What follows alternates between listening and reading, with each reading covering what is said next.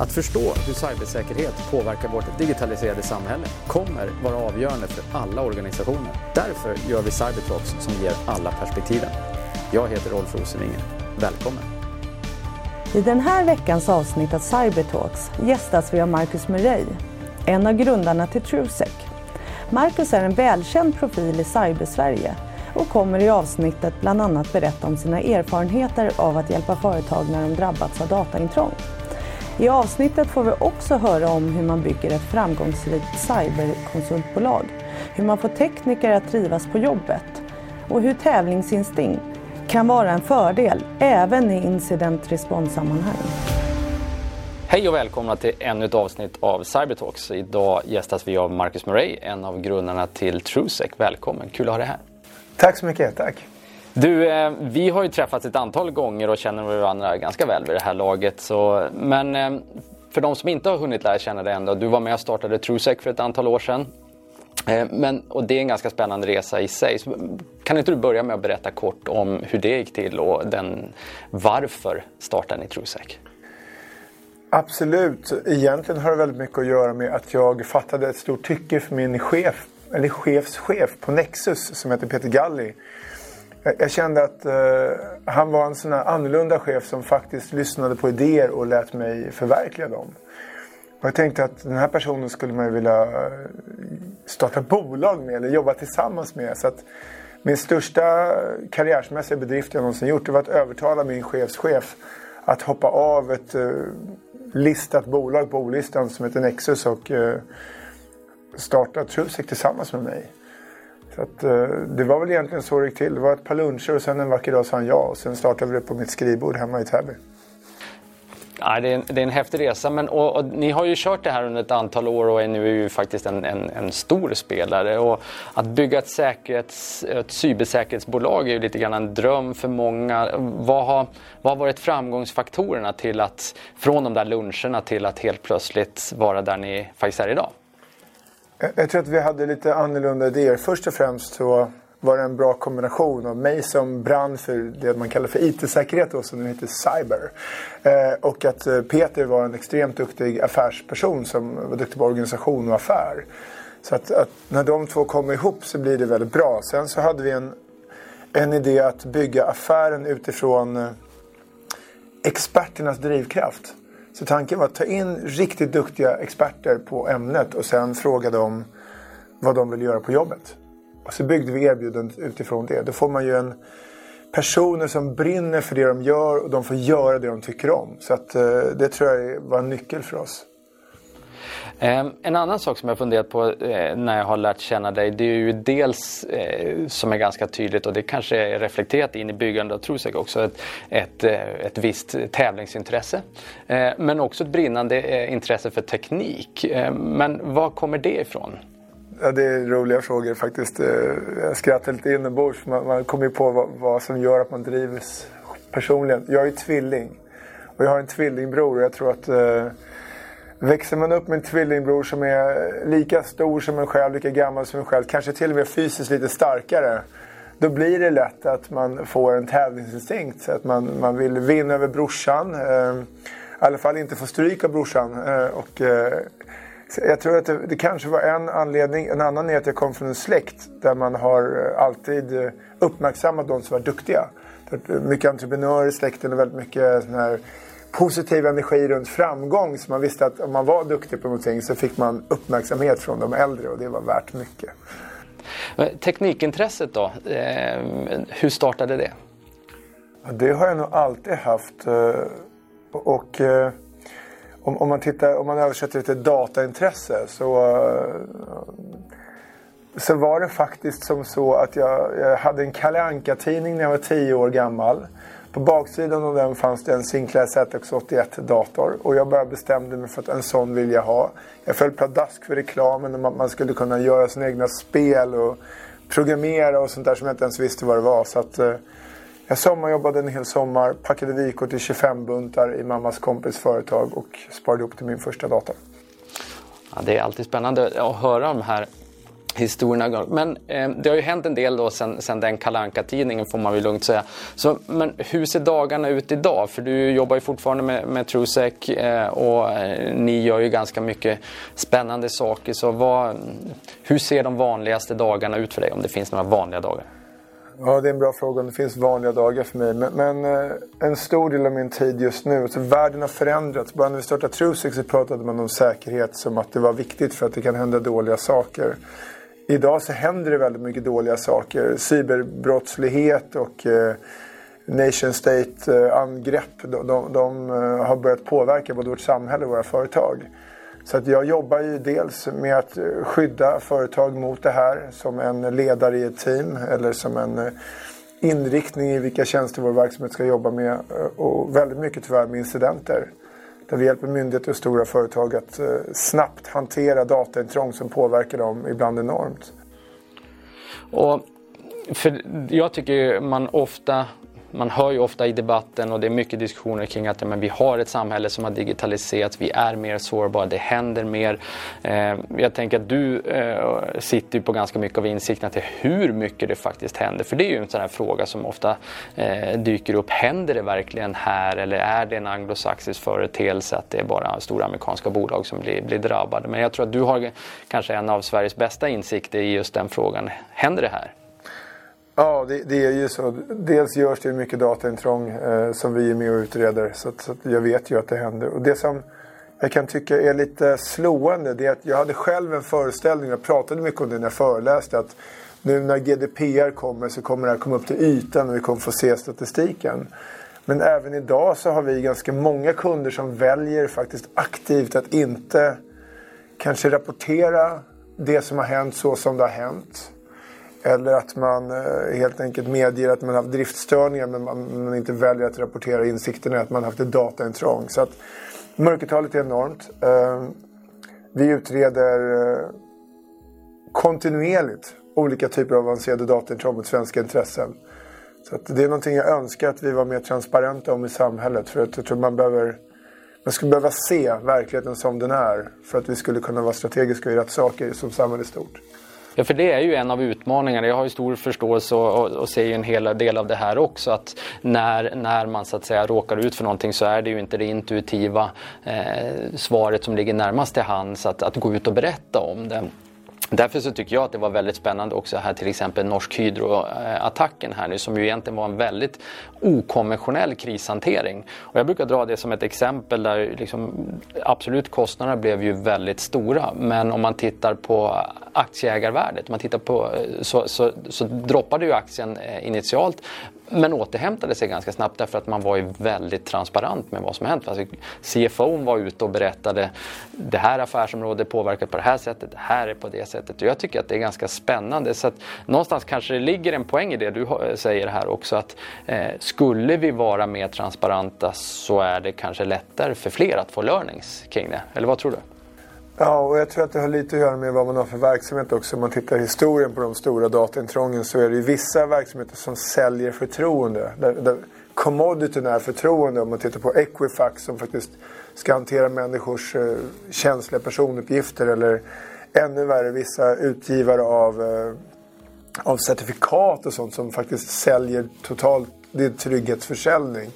De har ju gått i konkurs vissa sådana när, när de har haft dataintrång. Medan andra, eh, som Norsk Hydro, till, eh, till och med stora affärskedjor i USA som har haft sitt bästa år någonsin året efter eh, cyberintrång. Där man förlorat kanske miljontal anställdas eller kunders personuppgifter. Så det, det, finns ingen, ingen perfekt ekvation men jag tror definitivt att, eh, att man kan tjäna på i förlängningen att vara ärlig. Det tror jag. Och, och transparent. Um, och jag har ju, eh, och det har ju vi pratat mycket om, jag har ju en, en viss förkärlek eh, för eh, det amerikanska NIST-ramverket som pratar om de här fem huvudförmågorna Identify, Protect, Detect, Respond och Recover. Därför att jag tycker att det är ett bra sätt att visa och åskådliggöra för sådana som, inte, som inte jobbar med de här frågorna dagligdags. Så att säga, vad, hur gör man säkerhet idag? Och det pågår ju en ganska tydlig så att säga, förflyttning från kanske mer traditionell Protect mot Detect och Respond. Och det är väl ganska, så att säga, ganska tydligt också så eh, ni jobbar med väldigt mycket detect och respond. Men så att säga, vad, ur ditt perspektiv, vad, vad är det som driver den här förflyttningen eh, mot detect och respond? Mm. Äh, jag håller helt med om att Nyströmverket är ett jättebra sätt att visualisera och eh, förtydliga vilka komponenter som ingår. Man kan jobba utifrån det. Det, det är bra. Eh, det finns ett grundläggande problem om, om man pratar om de stora företagen och myndigheterna som drabbas av dataintrång idag. Och det är att deras IT-funktioner eller IT-miljöer har, har, ofta byggts upp under en lång tid. Och de har inte byggts med någon form av stadsplan där säkerhet har funnits med från början. Så, att, så de är väldigt eh, ibland eh, heterogena, de är väldigt komplexa. Och att bygga säkerhet i dem är väldigt, väldigt svårt. Det betyder att du inte kan förebygga dataintrång utan i regel finns det sårbarheter hur mycket den jobbar idag. Och då måste man eh, tänka, eh, vi kallar det assume breach i vår eh, bransch, att, eh, att man måste anta att det kommer bli intrång. Att det, det förebyggande skyddet kommer inte att hålla. Ungefär som en bank, du måste acceptera att det kan komma in rånare genom dörrarna. Det, det är bara så. Eh, och vad behöver man då? Jo, då behöver man ju snabbt kunna larma. Man behöver upptäcka vad som är på gång och man behöver kunna göra åtgärd. Så att Detector Respond idag ger mer bang for the bucks. Det, det är där som du kan få en snabb eh, då, förmågeförflyttning eller effekt. Du kan åtminstone minska skadan av dataintrång dramatiskt. Istället för att bara lägga förebyggande och hoppas att det inte händer. Och det där tycker jag är, det är ju lite grann spik på eh, och tror jag är en väldigt viktig del i, i det här resonemanget. Att du får både, som du är ute på, du får mer bang for the buck, du, du kan öka din förmåga och sen är min erfarenhet också att det är inte lika, ska vi kalla det invasivt för hela affären. Om du ska börja med de här lite mer större traditionella stora nätverkssegmenteringsprojekten och så vidare så, så har det ganska stor affärspåverkan och kan vara svårare att få igenom eh, om man sitter i den här legacy-miljön. Och, och då är det nog kanske mer bang for the buck helt enkelt att jobba med de här förmågorna. Absolut och, och det är nästan uh, overkligt för de som vi jobbar med idag att när de får veta att på två, tre dagar kan vi installera en sån här tjänst och börja övervaka dem dygnet runt och upptäcka dataintrång. Och det tycker jag, det, det, där är en ganska viktig liksom, lite demystification av vad det här handlar om. Att, eh, för någonstans så lever många, tror jag, fortfarande i, i bilden av att en förmågeförflyttning är någonting man gör över flera år. Um, och det stämmer ju absolut i vissa avseenden men det finns faktiskt också en hel del fast track grejer man kan göra så man drastiskt höjer sin förmåga på ganska kort tid som du beskriver. Och det tror jag är en viktig kunskap som, eh, eh, för fler eh, att ta till sig där ute. Men hur är, hur är status där ute? Hur, hur förberedda är organisationen? Har man tagit sig an konceptet Detect och Respond? Det är väldigt olika och det är någonting som, eh, som håller på att hända just nu. Tyvärr är det ofta väldigt reaktivt. De som får dataintrång de eh, upprättar upprättar en sån här förmåga direkt. Det, det blir nästan en del i utredningen att man in, implementerar sån här teknik. Och sen vill man ju ha kvar den över tid för man vill ju aldrig ta bort den när man väl har fått den. Det är lite grann som att ha larm och brandlarm och sånt i en villa. Det känns väldigt obekvämt att ta bort det. Och eh, det, det, ger ju ett värde. Um, så att, ja. Men, um, och då tänker jag också kanske, eh, det finns kanske en dimension som vi ska lägga till i diskussionen här. Det är också att förstå lite mer av hur en attack går till idag. Hur ser anatomin eh, av en attack ut? Det finns ju lite olika ramverk. Eh, den, liksom Lockheed Martins Killchain, en, en, en lite äldre och vi har Mitre Attack, ramverket och så vidare som beskriver hur, hur man ska tänka och så där. Men kan inte du prata lite kort också om hur ni ser att det här går till idag? Ja, det finns ju lite olika typer men man tar det, mest, eh, det vanligaste sättet att göra dataintrång och det går att visualisera i Killchain och i i många av de olika modellerna. Ehm, men det allra vanligaste idag är att man får in eh, skadekod på en användardator. Och det sker oftast genom en bilaga ett mail.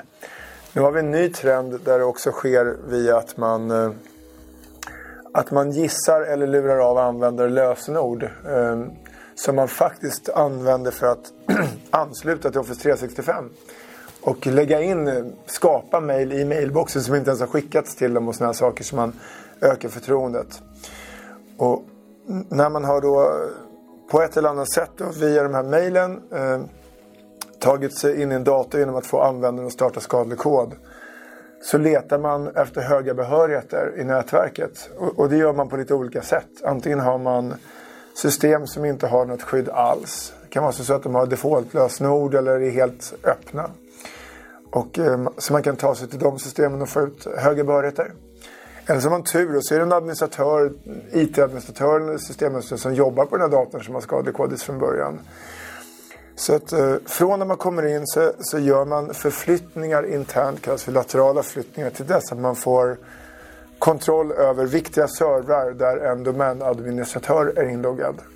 Och eh, det är alltså de som kontrollerar hela IT-miljöns alla inloggningar egentligen.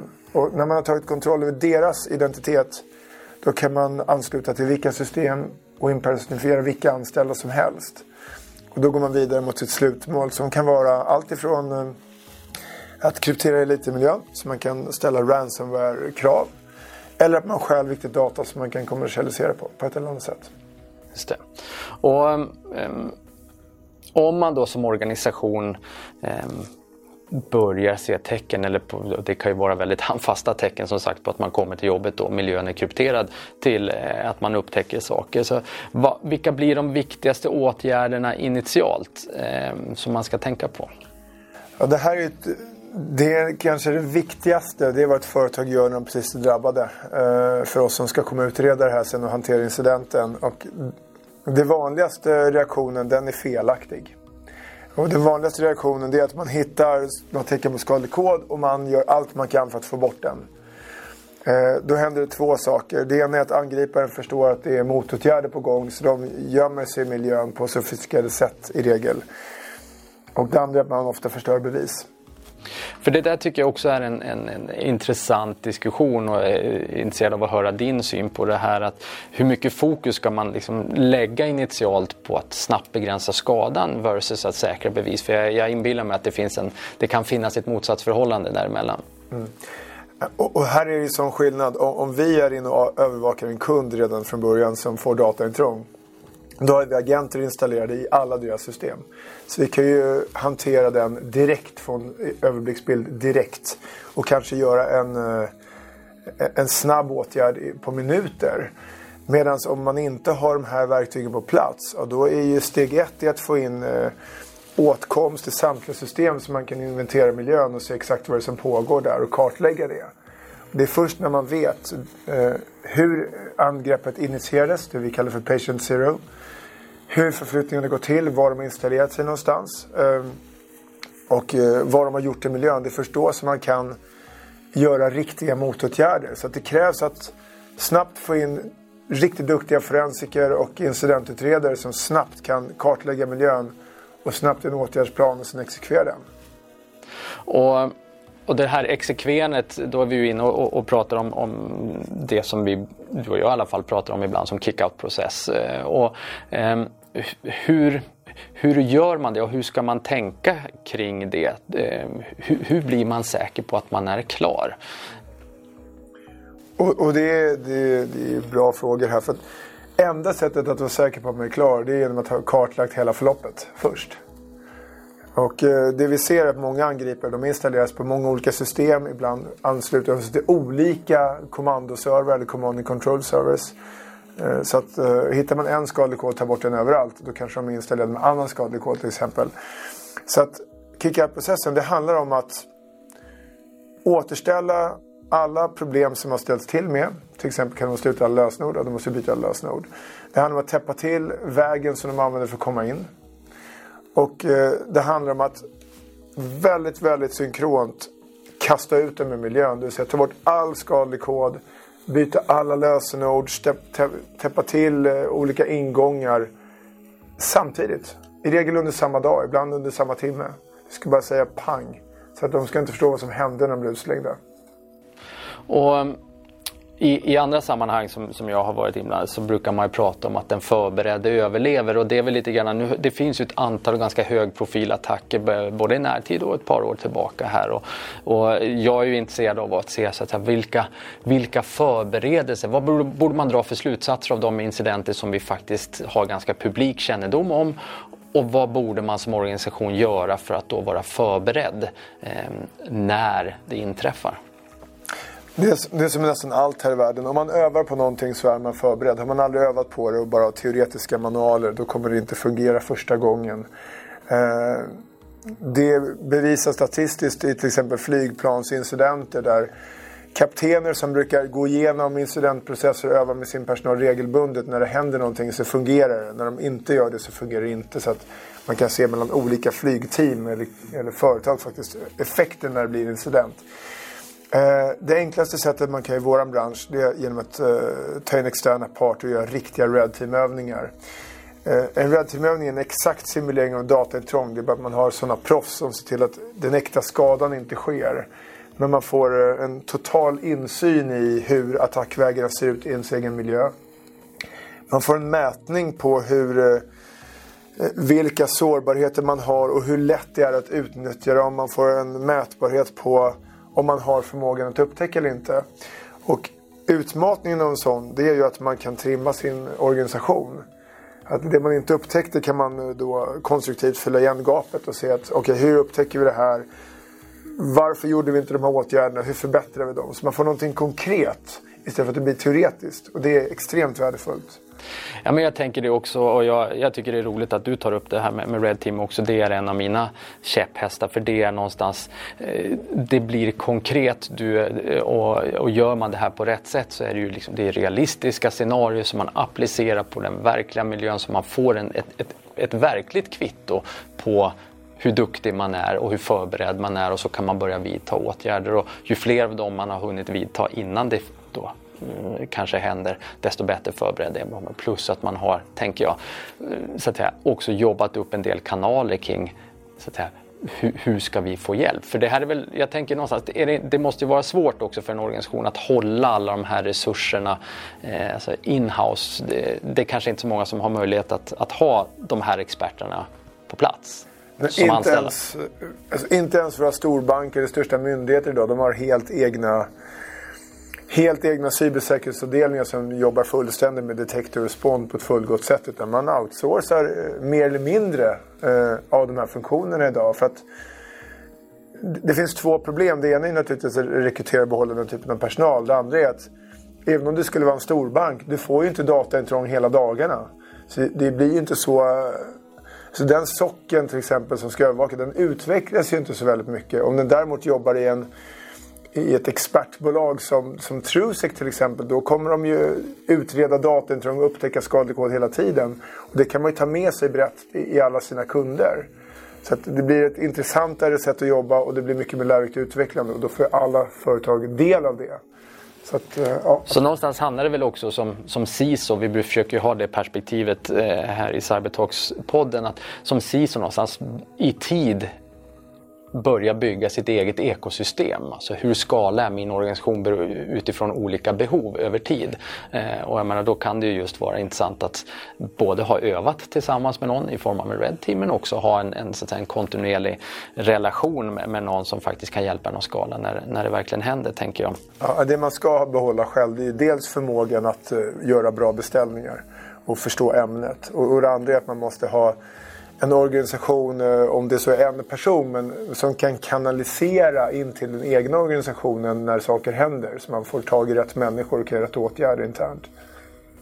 Hörru du, sen en, en annan sån där fråga som jag har på um, um, på näthinnan när vi pratar också detect och respond. Det, eh, hur, hur, gör man och hur gör ni för att navigera i det enorma liksom, toolsutbud som, som finns? För där, det brukar vara en av de första frågorna som, som man får när man kommer in och börjar diskutera de här frågorna. Ja, kör ni det eller kör ni det? Och, och hur, hur tänker ni kring, kring det? Nästan sedan jag började med IT-säkerhet eh, för 20 år sedan så så har det här med verktyg varit så centralt. Och det är för att det är företag som tjänar mycket pengar på det. Då var det antivirus och brandväggar. Idag är det EDR-plattformar, Endpoint Detection, det är MDR, Network Detection, det är CM-lösningar av olika slag och de ska ha Next Generation och AI och så vidare. Eh, I verkligheten är det så här. Vi jobbar med många av de här systemen, både de bästa och de sämre. Eh, de blir bättre och bättre, men för mig är de sekundära. Eh, och jag gör liknelsen med en hantverkare att eh, man behöver riktigt bra hantverkare. Ska du bygga ett hus, du behöver ämnesexperter och folk som verkligen vet hur man bygger hus. Tar du sådana hantverkare, då kan du sätta en Mashita, Bosch eller Hitachi skruvdragare i händerna på någon. Det kommer funka ändå. Tar du något riktigt dåligt skräp, och då kommer det inte vara bra. Så att eh, min liknelse är att man måste förstå vad verktygen gör. Man måste förstå vilka verktyg som är direkt dåliga. Men annars spelar det mindre roll. Eh, det som är problemet i branschen eller i, i cybersäkerhet just nu det är att det finns så mycket pengar bakom lansering av nya verktyg att man tror att de ska göra hela jobbet själva. De är väldigt kompetenta skruvdragare. Så att kombinationen expertis och verktyg tillsammans gör att verktygets, verktygsvalet spelar mindre roll. Och det tycker jag är en bra poäng. Så att eh, orkestrering och visualisering och automation i all ära men, men experten kommer, kommer fortfarande att behövas. Ja, och, och, samtidigt vill jag säga att det kommer komma en brytpunkt i framtiden. Vi är bara inte där än. Reklamen stämmer inte än. Jag är övertygad om att det kommer komma en dag om någonstans mellan 5 och 25 år när AI och machine learning och effekten av det är så pass stark så att man faktiskt är betydligt bättre än människorna. Vi var inte där nu. Nej, och sen tänker jag att det där är ju inte heller en helt svartvit eh, antingen eller diskussion utan kanske handlar ju också lite grann om att absolut kan du orkestrera, visualisera och sen automatisera respons på enklare saker så att experterna får tid att jobba med, med de mer kvalificerade sakerna och de svårare avvägningarna så är ju inte det nödvändigtvis någonting dåligt. Ja, men, men det är också från verkligheten. Vi sitter nu med olika plattformar som vi utvärderar och jobbar med för kunders räkning som ska då upptäcka dataintrång. Och ju mer automatiserade, ju mer beslut de ska ta åt människan, desto mer avkall måste de göra. Så med flit så inser de att vi kan inte ta hand om allt. Vi, vi, vi tar bort en del övervakning för att det vi verkligen behärskar, det ska bli bra. Så att de har ganska stora luckor och det, det skrämmer mig lite faktiskt. Du, tillbaks till incidentutredningarna. Så en, en när en, en, en, lite storskalig attack inträffar så får det ju en ganska stor påverkan på, på hela den drabbade organisationen och därmed så blir ju även styrelseledning eh, per automatik inblandad idag. Eh, och jag med, både du och jag har ju en hel del erfarenheter att stå i en del av de där sammanhangen och diskutera i sådana här postmortem reviews med både styrelse och ledning. Och, men hur, vad är din erfarenhet? Alltså hur, eh, hur, går, hur tas en sån här diskussion emot? Eh, och hur förs den? Jag tycker att ledningsgrupper, om man tittar överlag, blir bättre och bättre på att intressera sig för frågan. Och det har att göra med media och sådana saker. Att väldigt många intrång faktiskt kommer upp eh, eller till ytan. Framförallt i USA och så vidare. Eh, det som är utmaningen för ledningen är att de inte har den egna kompetensen. Eh, eller framförallt styrelser. Det är ganska ovanligt att man har en cybersäkerhetsperson i en styrelse idag. Men jag tror att det är väldigt viktigt för dem att sätta sig in i frågan och om de inte ska ta in den kompetensen i en styrelse så åtminstone se till att man har direkt åtkomst till den på ett eller annat sätt. För eh, dataintrång idag håller på att gå om droghandeln i omsättning om man tittar på det kriminella liksom, affärsverksamheten bakom det. Så det blir ett så pass påverkande problem för företag och organisationer att det blir en lednings och en styrelsefråga. Ja men verkligen och det stämmer väldigt väl med min, min bild också. Jag, jag, lägger en hel del av min tid på den här typen av, av diskussioner och att, så att säga, försöka sätta det i kontext och förklara vad skulle det kunna innebära för er och vad. Och, men faktiskt också ganska ofta ge comfort kring jo men det går att göra någonting åt. För det tror jag har blivit lite grann en, en, eh, en bild som finns att eh, vi kan, alltså det tar så lång tid att bygga förmågan, det, det, är så svårt, vi kommer alltid att vara tvåa. Och jag, vill, jag vill vända på den lite grann och säga att det finns absolut saker man kan göra och det finns väldigt mycket konkreta saker man kan göra för att både minska sannolikheten men också begränsa skadan när det väl händer. Och det handlar ju väldigt mycket om att styrelse och ledning måste sätta det här på agendan och säga att ja men det är det vi vill ha. Absolut.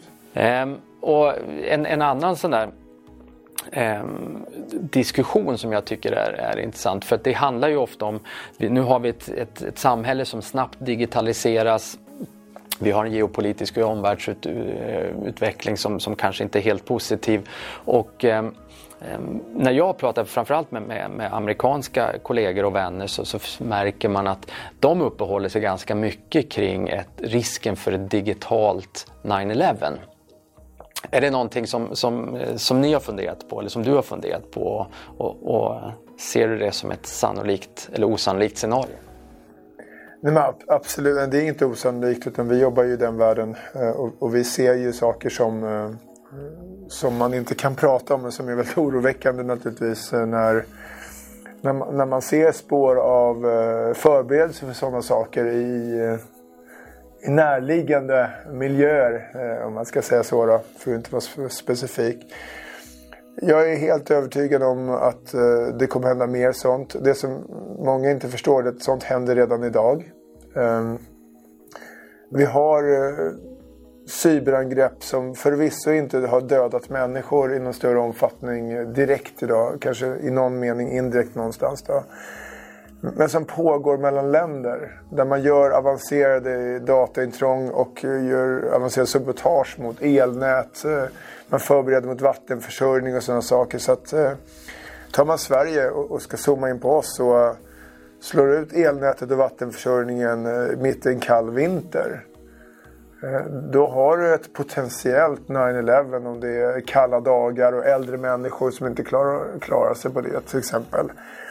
Eh, och eh, slutet elnät också, då är det inte bara den direkta skadan att du inte kan koka kaffe utan det är faktiskt de sekundära eh, funktionerna som slås ut i allt som behöver el för att fungera i sin tur. Det ska bli väldigt stor påverkan på vårt samhälle. Vi är väldigt beroende av det digitala idag. Ja, men det, det, är helt rätt och vi hade ju en sån eh, faktiskt fråga bara här veckan och jag såg att du var ute och kommenterade det också när det, när det fanns eh, diskussioner kring om eh, USA hade infiltrerat det ryska elnätet och så vidare samtidigt som vi också har sett det omvända där, eh, där ju konflikten i Ukraina egentligen startade med att man släckte ner eh, elnätet där. Så det är ju en, det är en högst reell, eh, reellt scenario och jag tror att det, det som du trycker på här som jag tycker är viktigt det är ju att de här förberedelserna pågår ju redan idag. Ehm, du har varit eh, jättegenerös med din tid. Jag är superglad att vi har haft dig här. Vi brukar avsluta med en fråga kring eh, om du var statsminister för en dag och fick bestämma kring cybersäkerhet. Och det kanske är aktuellt just också med tanke på vad vi just eh, pratade om. Ehm, vilka frågor skulle du vilja föra upp på agendan en sån dag? Ja, tänk om vi kunde ha en statsminister som verkligen engagerar sig i cybersäkerhetsfrågan. Det hade varit bra, tror jag. Eh, men ja, hur, hur, hur, sätter man sig in i tanken om att vara statsminister? Det är väl långt ifrån mig. Men, men några saker som jag känner ur ett samhällsperspektiv som jag tycker att man borde driva mera eh, och som antagligen måste initieras från toppen. Det är dels att eh, det finns en så pass stor eh, utmaning att eh, det offentliga kommer inte klara att hantera den själv. Utan man måste närma sig näringslivet. Så jag tror att man måste använda samma modell som i USA till exempel. Där man nyttjar näringslivet i mycket större omfattning för att lösa problem. Det vill säga samarbeten där man har näringsliv som utförare i, i en större omfattning. En annan del är ju att eh, synliggöra problematiken och, och, det är en pedagogisk fråga. Man behöver utbilda och förmedla kunskap eh, i en större omfattning. Framförallt till ledningar så det går top-down det är nästan bara regeringen som kan göra det. Där man både ställer krav men också förmedlar liksom insikter till, till företag och organisationer som flödar ner till samhället. Så eh, bättre och mer förmedlad kunskap och eh, framförallt mer samverkan, privat och offentlig samverkan för att med gemensamma krafter lösa problematiken. Marcus Murray, stort tack för att du ville vara med. Det har varit eh, en superspännande diskussion och till alla lyssnare, until next time. Tack själv. Den här podden är en samproduktion mellan Cyber Insights och Tieto.